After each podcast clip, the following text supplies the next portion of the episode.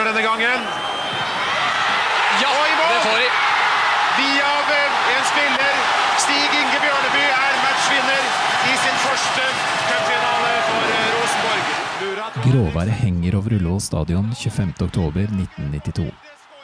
Typisk vær for en cupfinale. Lillestrøm har utlignet Rosenborgs ledelse til 2-2. Det er bare sekunder igjen av kampen da den ferske Rosenborg-spilleren Stig Inge Bjørneby får ballen på hjørnet av 16-meteren. Han kliner til på direkten. Ballen går gjennom feltet, skifter retning og triller inn bak en utspilt Frode Grodås. Kanarikvitteret stilner, og Rosenborg-sangen ljomer over Ullevål.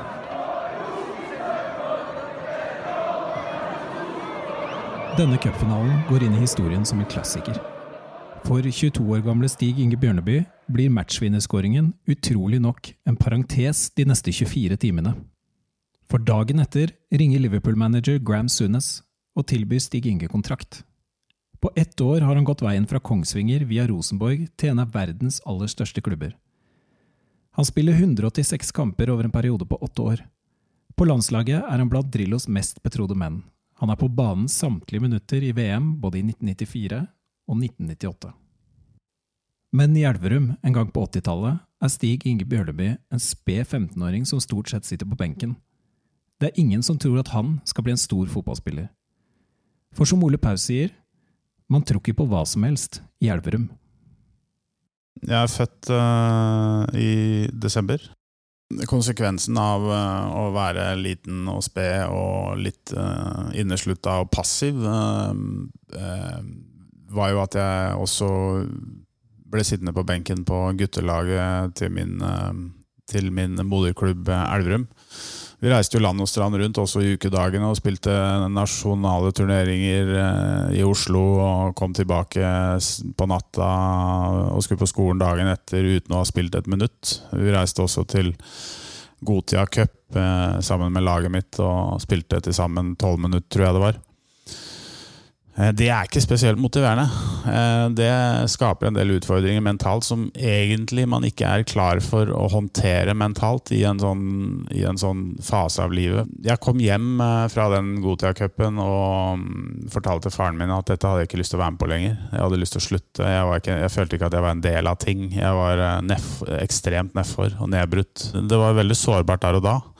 Jeg tror at det var marginer og tilfeldigheter som gjorde at jeg, fort, at jeg til syvende og sist valgte å fortsette med idrett. Jeg tror normalen, eller normen, for akkurat sånne episoder, sånne situasjoner, er at folk bare slutter. Jeg vil tro at hvis jeg hadde vært tilnærma litt mer normal enn det viste seg at jeg var, så hadde jeg nok slutta. Det å være født sent på året var jo ikke et tema som ble nevnt i noen sammenheng, verken i forhold til skole eller idrett eller seleksjonssamfunn eller, eller på noe plan, så vidt jeg kan huske i alle fall. I tillegg til det så vil jeg nesten tro jeg var litt sent utvikla òg, sånn, sånn fysisk. Pubertet og, og så videre. Jeg var liten og sped og øh, var litt sånn utafor i den derre pubertale perioden hvor de andre vokste og fikk hår overalt og fikk muskler osv. Så, videre, så hang jeg betydelig etter. Og da blir man hengende etter litt sosialt også. Jeg tror det er naturlig. Så jeg følte meg ikke like inkludert. Jeg var nok eh, veldig tankefull og inneslutta og litt ensom i, i de periodene på en par år. Fra du er 14 til 16. Det som er paradoks eh, sett i ettertid, er jo at jeg bygde jo en idrettskarriere basert på fysikk. Basert på um, veldig pågangsmot, veldig offensiv holdning eh, og, og fysisk tilstedeværelse. Så, så, så det er jo sånne paradokser som man beviselig da ikke kan forutse når eh, du ser en eh, sped liten jypling som flyr litt alene inn i en krok, eh, og som da er født sent på året.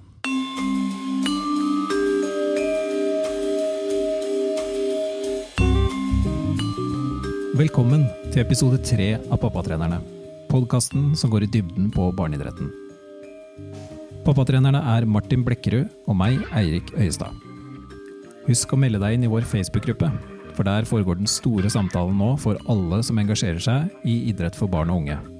Og husk å abonnere, så du ikke går glipp av neste episode. I denne episoden skal vi snakke om den åpenbare fordelen det er å være født tidlig på året for et barn som driver med idrett.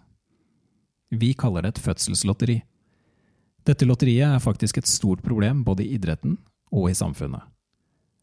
All statistikk og forskning viser nemlig at barn som er født tidlig på året, lykkes gjennomgående bedre i idrett. Det finnes ingen annen forklaring på dette enn den helt åpenbare. De som er født tidlig på året, er eldst. Dermed er de ofte mer fysisk og motorisk utviklet enn de andre. De fysiske fordelene gjør at de blir utvalgt. De får mest oppmerksomhet fra treneren, spiller mest, spiller mest på bestemte plasser på banen. De spiller ekstra kamper, får spillerutviklingstilbud, tilbud om hospitering, tas ut på kretslag og går på landslagsskole. Og til slutt ender de opp på landslaget. Vi som er trenere, forsterker systematisk effektene av fødselslotteriet. Det blir ekstra synlig når barn kommer i puberteten, når noen plutselig er to hoder høyere enn de andre, løper dobbelt så fort og kaster dobbelt så hardt eller langt, uten å jobbe hardere for det. For de som halser etter de andre, er det tøft og lett å gi opp. De mister ofte gleden og faller fra.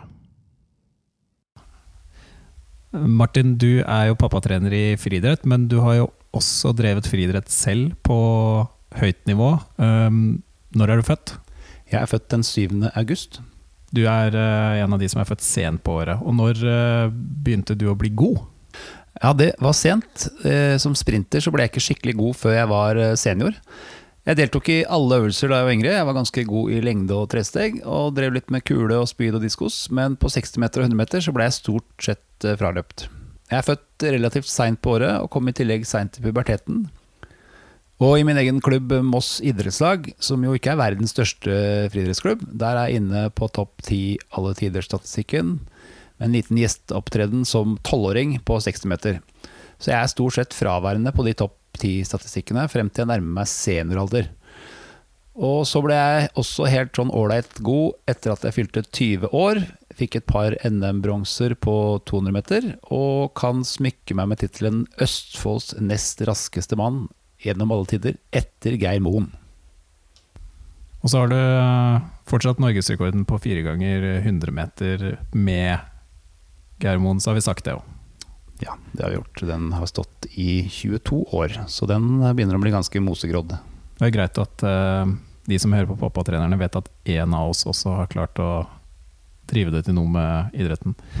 Um, men de siste ukene så har du dykket ned i resultatlister og laguttak for å se om fødselslotteriet synes i statistikkene. Det, og det er ganske tydelige tall på det. Eh, det er en forsker ved NTNU i Trondheim som heter Stig Arve Sæther, som eh, tok for seg den norske landslagstroppen i fotball. Da gutter 17-landslaget skulle tas ut til EM for to år siden, så var 72% av troppen var født i januar og februar. Og ingen av spillerne var født i november eller desember.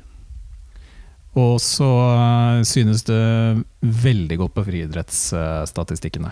Uh, så hvis vi har, eh, ser på de 100 raskeste 13 år gamle guttene i Norge gjennom alle tider på 60 meter, så er 81% av dem født i første halvdel av året. Av disse igjen så er 44% født i januar eller februar. Men så er det litt spennende, for når du ser på når de kommer til senioralder, det er først da det utjevner seg fullstendig. Da er det 50% av de raskeste er født i første halvdel av året, mens 50 er født andre halvdel av året.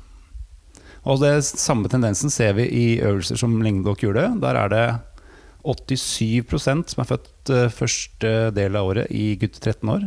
Og i kule så er det 84-16. Eh, og ingen av de 20 beste i kule er født etter 1.7. Kun tre av de 40 beste. Så det er ganske oppsiktsvekkende statistikker. Og vi ser det jo nesten på tvers av alle idretter. Det er jo interessant at det skjer i friidrett, der alt er individuelt, stort sett.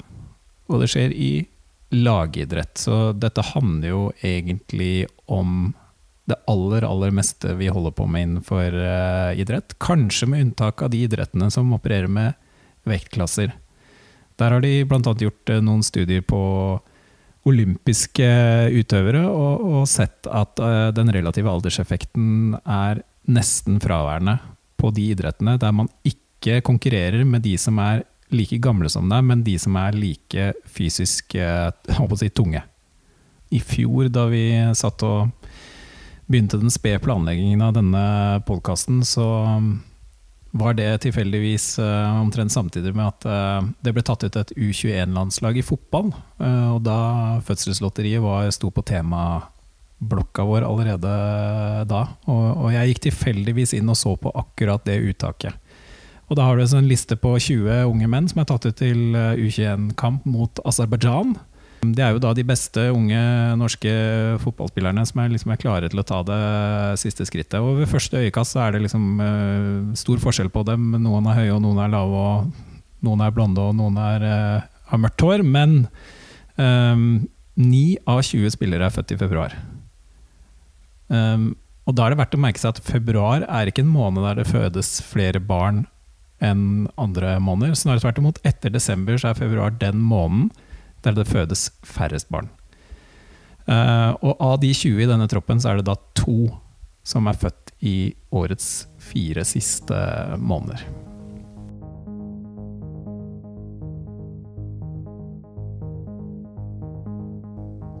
Stig Inge Bjørneby trakk ikke vinnerloddet i fødselslotteriet. Han var også 15 år i 1984, en helt annen tidsalder.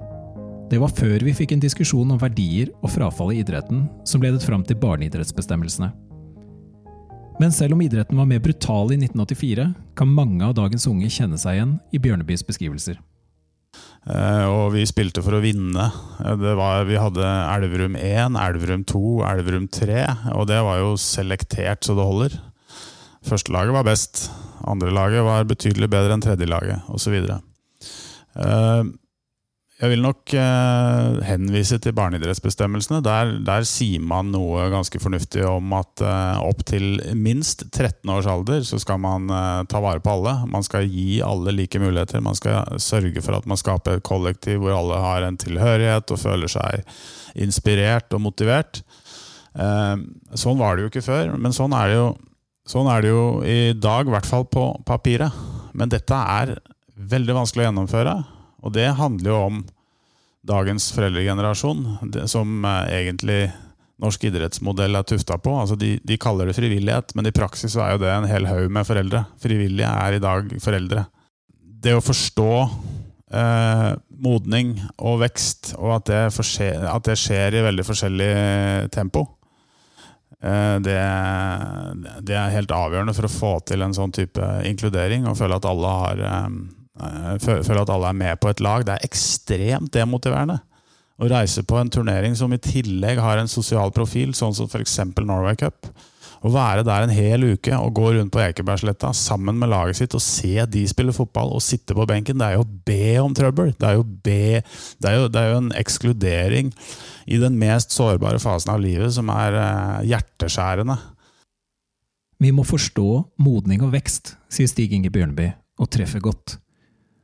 Som pappatrener må jeg strekke hendene i været og innrømme at her kommer jeg kraftig til kort. Det er uhyre vanskelig å unngå at fokus dras mot de som mestrer, de som er konsentrerte, de som vil mest. Vi trenere ser tidlig etter synlige bevis på den indre driven, den vi vet kreves for å lykkes med idrett på sikt. Hvordan ser vi egentlig denne driven hos de som ikke hevder seg, bare fordi de har kommet litt kortere i sin fysiske utvikling? Bjørneby peker på hvor sårbare vi er når denne problematikken overlates til hver enkelt trener.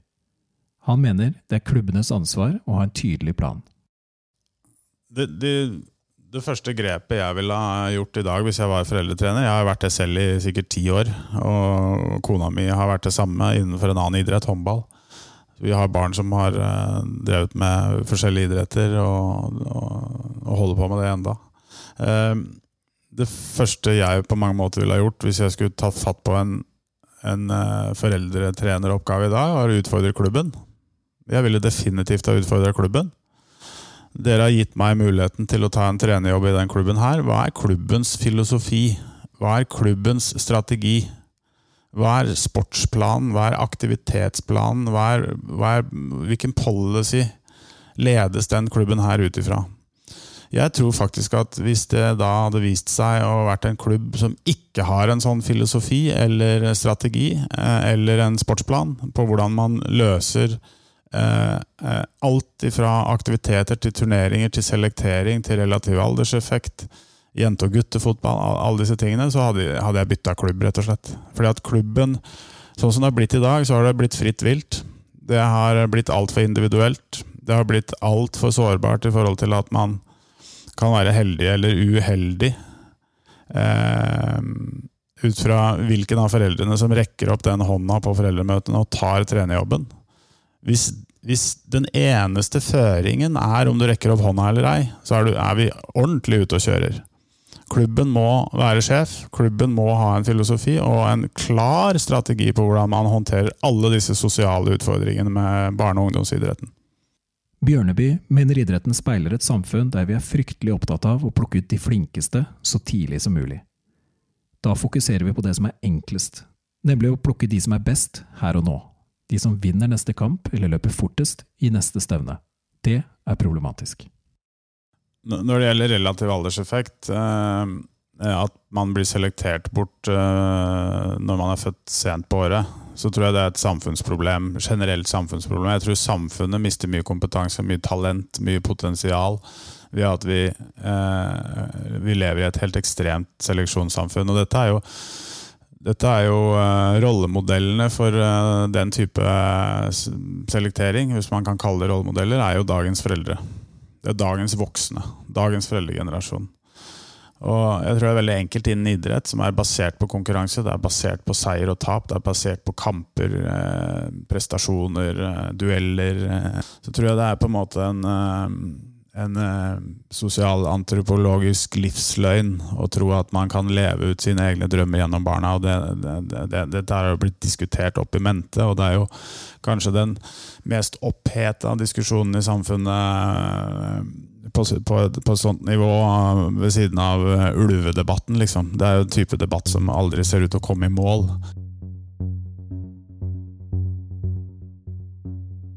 Jeg har jo som håndballtrener har jeg jo sittet både på benken og på tribunen i mange timer og sett mye. Og så jeg hatt, er jeg interessert i tall og statistikk. Så jeg har satt meg mye inn i litteraturen i det som kalles for relativ alderseffekt, men som dere kaller, også kan kalles for fødselslotteriet. Dette rette effekten av når du er født på året i forhold til hvordan det går med deg idrettslig. Og det har jeg studert mye tall på på håndball, og også sett en god del på friidrettstall. Atle Guttormsen har gått grundig inn i fødselslotteriet. Han er professor i økonomi ved Norges miljø- og biovitenskapelige universitet.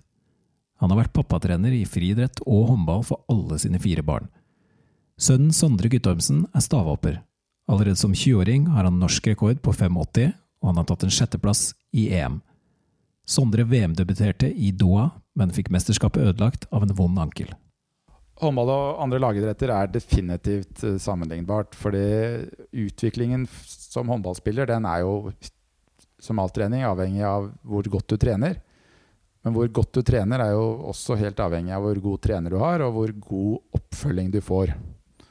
Og det er jo sånn at jo bedre oppfølging du får, jo mer oppfølging du får, jo bedre håndballspiller og fotballspiller blir du.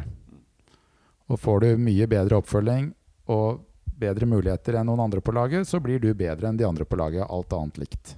Og det er ikke nødvendigvis alderseffektene, for det, når vi snakker om det, så er det jo når du er født på året.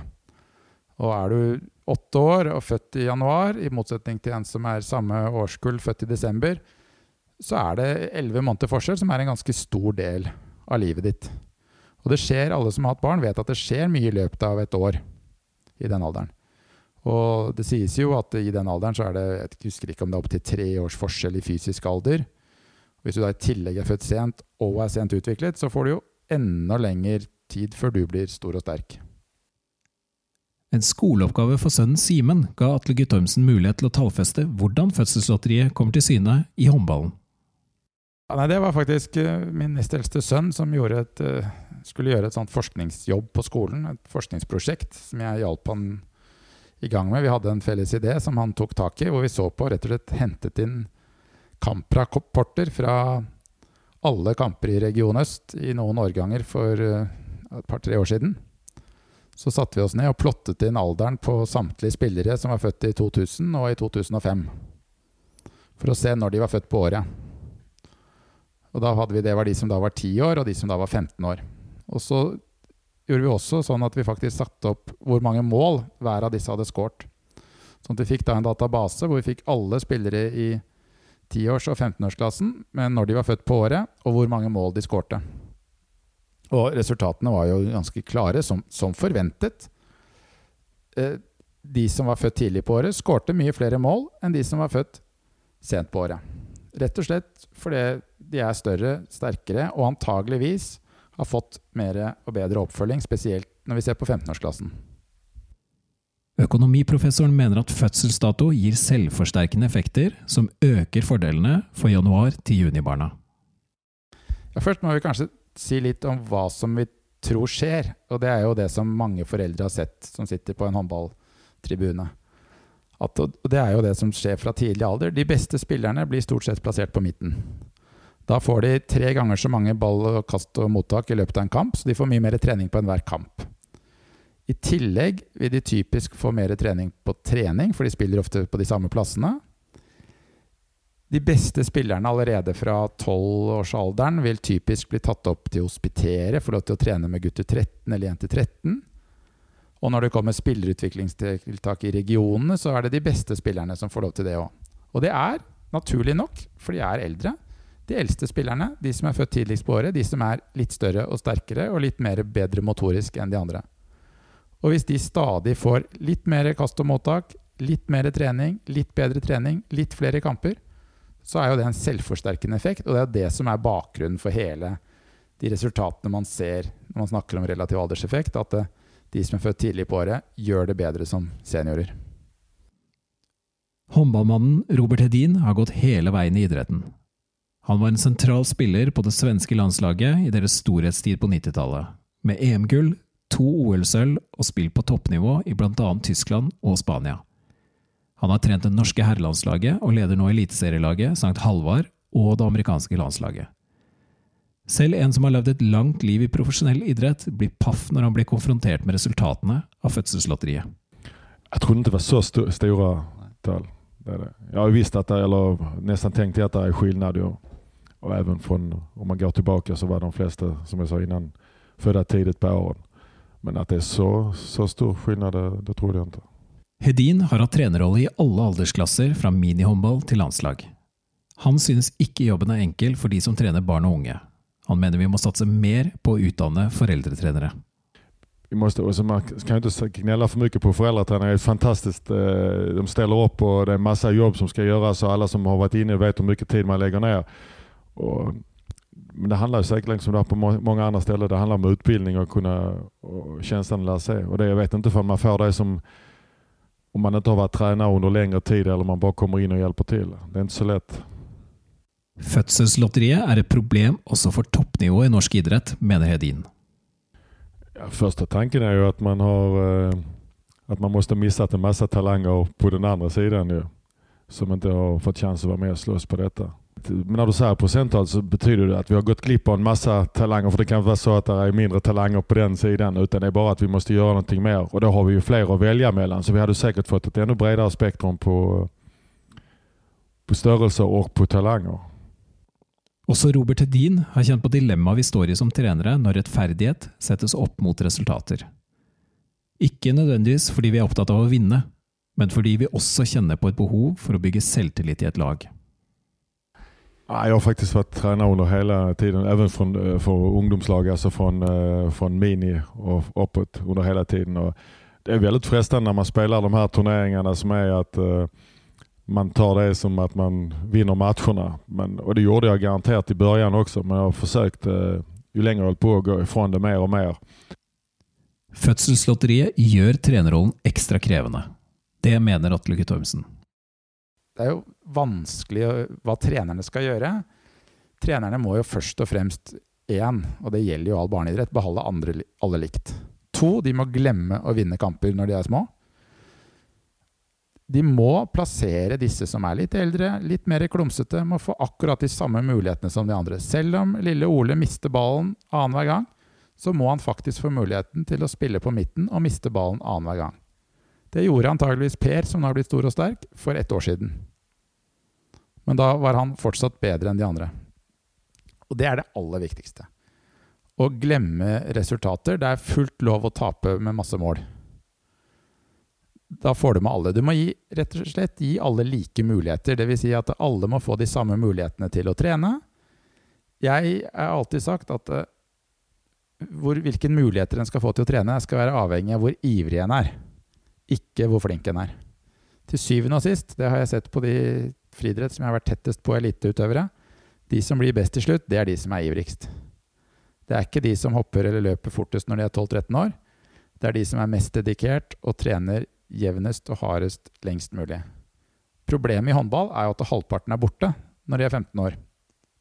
Hvorav denne effekten er én viktig grunn til at de faktisk er borte. Øyvind Eide, sportsdirektør ved Norges toppidrettsgymnas, mener trenere begynner å velge ut barn altfor tidlig. Vi, vi, ser jo ofte det med Spesielt dette med topping av lag. da så ser vi jo at uh, ungdomstrenere de tar jo valg hvor de mer eller mindre bestemmer hvem er det som kommer til å bli best om fem til ti år, ved å la noen spille framfor andre. Den øvelsen er det få i verden som greier, men allikevel så er det mange uskolerte trenere som mener sjøl at de greier det.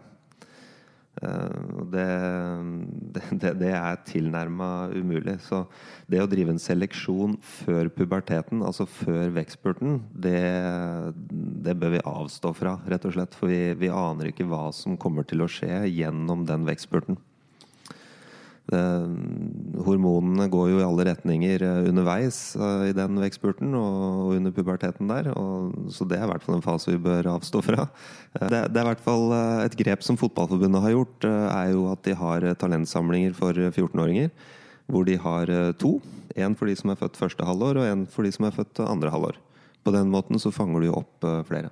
Mens fotballen har tatt grep for å minske effekten av fødselslotteriet, mener Atle Guttormsen at håndball idretten han kjenner fra innsiden, er på villspor. Det er jo det som er det interessante i forhold til f.eks. For Håndballforbundet. At de bevisst utelater halvparten av talentene, da, hvis vi skal bruke det talentbegrepet.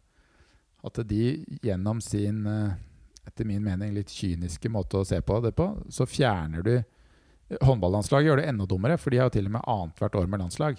Så de fjerner jo egentlig tre fjerdedeler av to årganger. De har vel Av og til så har de lagd noen landslagssamlinger for de som er født året etter. Men, men, der er det sånn, er du født gærent år og sent på året, så har du aldri noen mulighet til å få vist deg frem nasjonalt. Så håndball mister jo Og jeg er helt sikker på at de mister masse håndballspillere rett og slett fordi de ikke tar hensyn til dette her.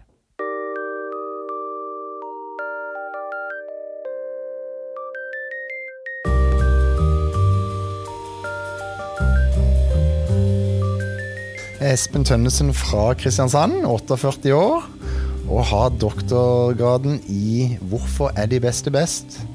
Jeg har gjort en del studier av 50 verdensmestere og olympiske mestere, og har egentlig via livet mitt til toppidretten. Hva er de kritiske utviklingsfasene for barn og unge? Og hva skjer egentlig i puberteten? Dette må vi forstå, sier Espen Tønnesen. Det er eneste perioden i livet hvor ikke det er et samsvar mellom hva du legger ned av trening, og hva du oppnår. For det, det er mye mer viktig om du har testosteron, om du er tidlig utvikla, eller om du ikke er det. Så dette er en krevende alder.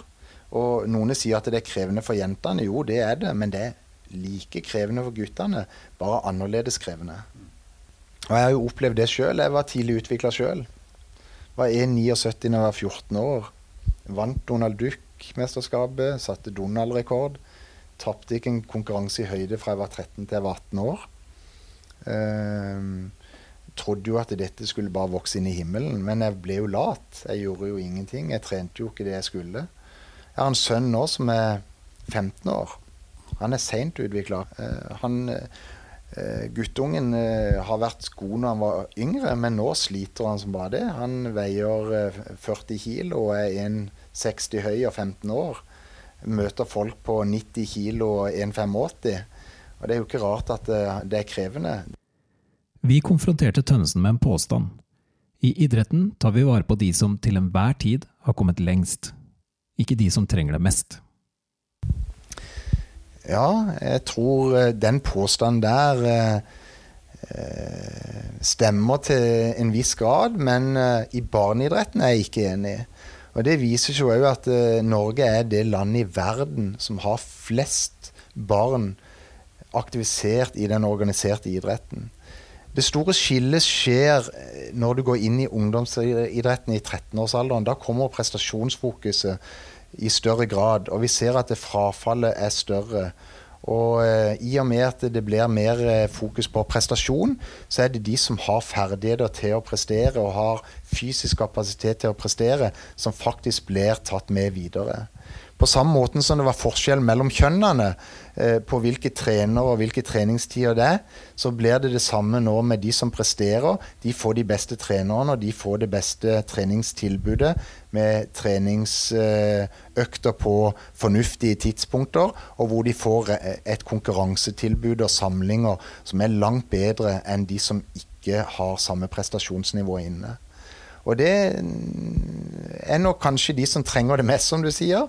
Disse som faktisk ikke er de beste på det årstrinnet. Og de føler seg som tapere og starter med annen type aktivitetstilbud.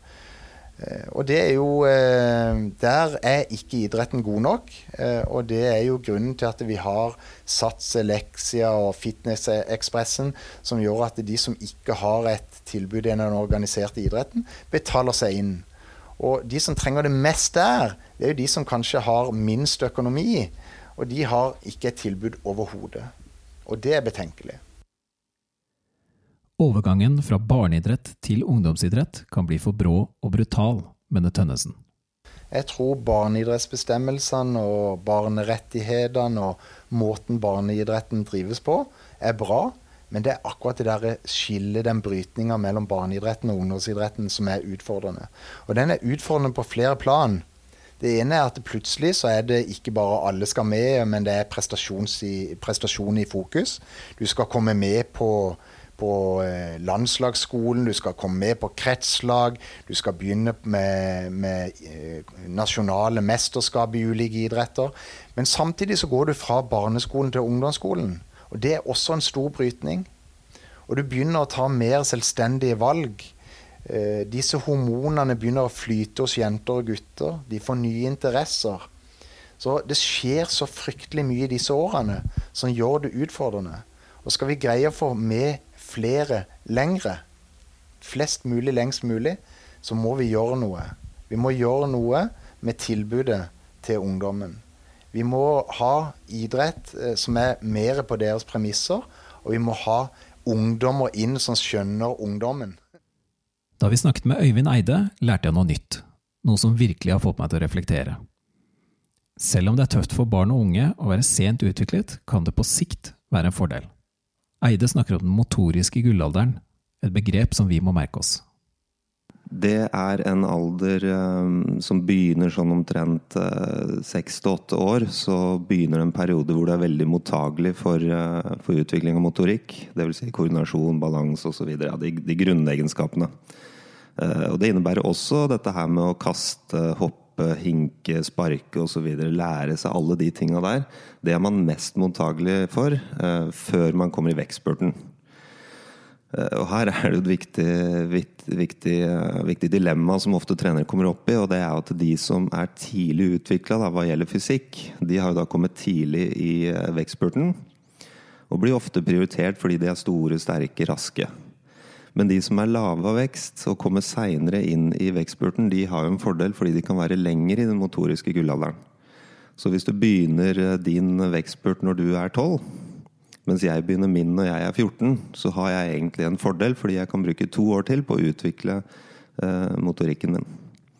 Det tror jeg ofte er litt oversett, da. Det prøver vi å ta hensyn til hos, hos oss, og vi differensierer litt. Så vi kan påvirke de sensitive periodene, som vi kaller det, på den måten. Atle Guttormsen bruker stavhoppersønnen Sondre som eksempel på hva det kan bety å være lenge i den motoriske gullalderen. Uh, han har hoppet stav siden nesten han var åtte år gammel. Men han begynte med håndball før han begynte med friidrett. Han spilte håndball til han var 15. Han har spilt fotball til han var 12. Han drev med turning til han var 15. Han og han er jo egentlig en sånn type som Han er ikke født sent på året, han er født 1.6, men han var sent fysisk utviklet, så han var en periode veldig liten. Så han var ganske god både i håndball og friidrett når han var 10-11 år. Da hevdet han seg bra. Og så holdt jeg på å si så ble det en periode han ble ganske dårlig i både håndball og friidrett. Relativt sett i forhold til hvor god han var før. Fordi han var, ble mindre og mindre. Sånn som jeg så det. Han ble jo større, han òg, men de andre ble bare veldig mye større. Så når han var 13-14, så var Da slet han i begge idretter, og spesielt i håndball, hvor du, fysikken betyr ganske mye. Men han hoppet stav hele tiden, og stav er veldig teknisk. Sånn at uh, han fikk en mestringsfølelse, fikk han vel spesielt i stavhopp. fordi at selv om han var liten og ikke så sterk, så hadde han veldig god teknikk. Sånn, av den allsidige bakgrunnen, tror jeg. da, Mye. Og ekstremt god koordinasjon. Så den liksom holdt han igjennom den perioden hvor han uh, slet litt og ble liksom stadig lenger bak i resultatlistene i friidrett. Unntatt i stav. Så når han da begynte å vokse som 15-16-17-åring, spesielt 16-17-åring, så tok han jo alt inn igjen på et jafs, for da hadde jo han jobbet hardt i den perioden han var liten. Han hadde god koordinasjon, god teknikk. Så når fysikken kom da, som jeg sier, testosteron virker, også den naturlige, det virker bedre enn det meste, så gikk det jo i kjempeskritt, for da var han jo plutselig ble han også stor og sterk. Så, men jeg har vært ekstremt opptatt av allsidigheten, og det er han faktisk fortsatt. Så løper han Nå er det jo bare friidrett på 90% stavhopp. Men han løper fortsatt hekk, han hopper fortsatt lengde og trener en god del turn. Nå er stavhopp en veldig allsidig øvelse i seg selv, men uh, jeg tror at uh, Jeg har veldig tro på allsidigheten. Og skulle han ikke blitt uh, verdenstopp i stavhopp, så ville han fortsatt hatt god motorikk, god koordinasjon, som han kunne bruke i alle andre idretter. Og kanskje f.eks. når du blir student igjen, begynne å spille håndball. Ha gøy med idrett. Hvem blir egentlig best til slutt? Det finnes utallige eksempler fra idretten på at det ikke nødvendigvis er de som er best når de er 10, 13 eller 16 år. Ofte er det tvert om. Mye taler for at de som er dårligere fysisk rustet, og som må kjempe ekstra hardt gjennom oppveksten, utvikler de egenskapene som kreves for å bli best til slutt. Dette er vanskelig å forklare til de barna som opplever at fysikken ikke strekker til i konkurranse med jevnaldrende. Men det er en uhyre viktig påminnelse til oss voksne som er deres trenere. De som blir eh, best i idrett, viser forskning, er nest best eller blant den øvre tredjedelen. Eh, de som er best i unge år, de er ofte det fordi de er tidlig utvikla. Og de har ofte ikke måttet kjempe for å bli gode, de har bare blitt gode fordi de er tidlig utvikla, tidlig modna. De som blir gode til slutt, de har måttet jobbe mye hardere for det, har nok en mye sterkere indre motivasjon for det. Og en viktig del av talentet det er jo faktisk det å kunne trene mye og hardt ved å, uten å bli skada og sjuk. Og det talentet har de, og det fremhever de også i forskninga. At det, eh, er det største talentet de har. Det å trene mye uten å bli skada og syk. Samt at de har en evne til å jobbe med å utvikle tekniske ferdigheter eh, over tid, og ikke gi opp. Nettopp stå i det. De har en ekstrem gjennomføringskraft. Hvis jeg fikk velge i dag, med en voksens forståelse og en voksen altså Jeg har fått litt erfaring etter hvert gjennom idrett og osv. Hvis jeg hadde hatt dagens forstand, men skulle vært barn igjen, så ville jeg valgt å være nummer to. Jeg ville valgt å være nest best. Og så ville jeg tenkt hvilken gave det er å være nest best. Hvilket fantastisk utgangspunkt å ha noen som er litt bedre enn deg hver eneste dag i trening og kamp. Du har hele tiden noe å strekke deg etter. Så, så det, er, det, er, så fortærende at man ikke kan overføre den kompetansen og erfaringen og kunnskapen og forståelsen til barn. Men det er jo ikke mulig, for barn har den ikke. Barn er ikke utstyrt med den ennå. De må vokse seg inn i det. Ibsen har jo skrevet om alle dagens samfunnsproblemer. Ibsen er jo helt ekstremt tidløs. Han skrev jo også at et lite barn kan ei forstå hva vi store voksne må. Og det vi store voksne må, er å vinne neste kamp. Fordi vi syns det er så digg. Eh, og det er, det er, trist, egentlig. Selv om det er en, faktisk en del av, av idrettens ideologi å vinne og tape. Til, til de barna som eh, som er litt i villrede nå, og kanskje føler at de mangler, eh, mangler, litt fremgang, så vil jeg jo prøve å si det på en veldig enkel måte. At eh, man kan dele det inn i to. De, eh, de spillerne som når lengst, er de som har sterkest indre drive.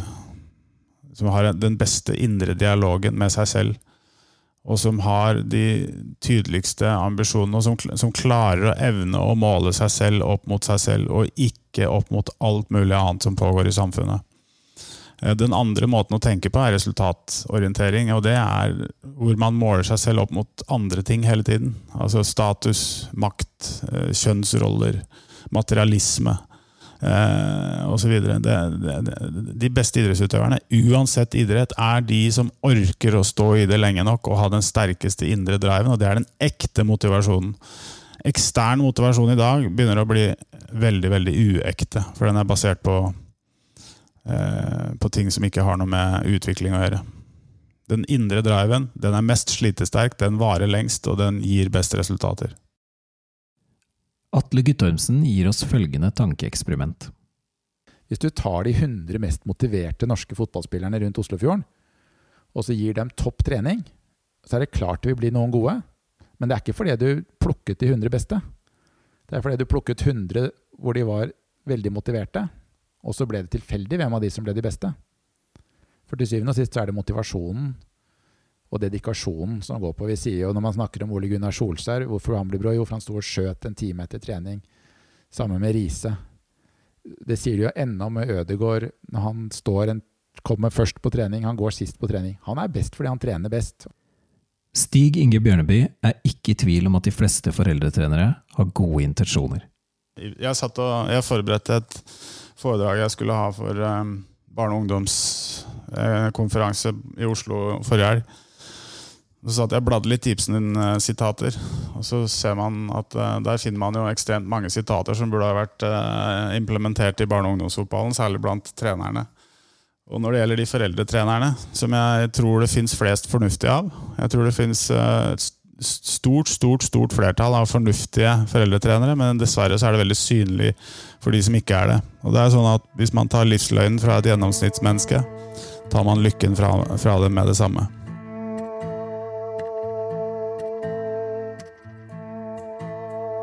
Det som skiller fødselslotteriet fra alle andre lodd, er jo at uh, hvor stor vinnersjanse du har på dette loddet, kan du påvirke en god del selv. Altså, da snakker jeg om foreldre og når de får barn. Så hvis du har lyst til å få et barn som skal ha best mulig forutsetninger innenfor idrett, så må man planlegge. Ja, og hvis du har lyst til å få en barnestjerne, så er, lønner det seg å ligge sammen eh, et sted mellom påske og pinse. Da vil barnet ditt bli født rett etter nyttår, og da vil det gå det godt her i livet. Iallfall om vi skal tro statistikkene. Ja. Vi har jo et mål om å være matnyttige og praktiske i våre råd her i Pappatrenerne, så det der kan man jo merke seg. Nettopp.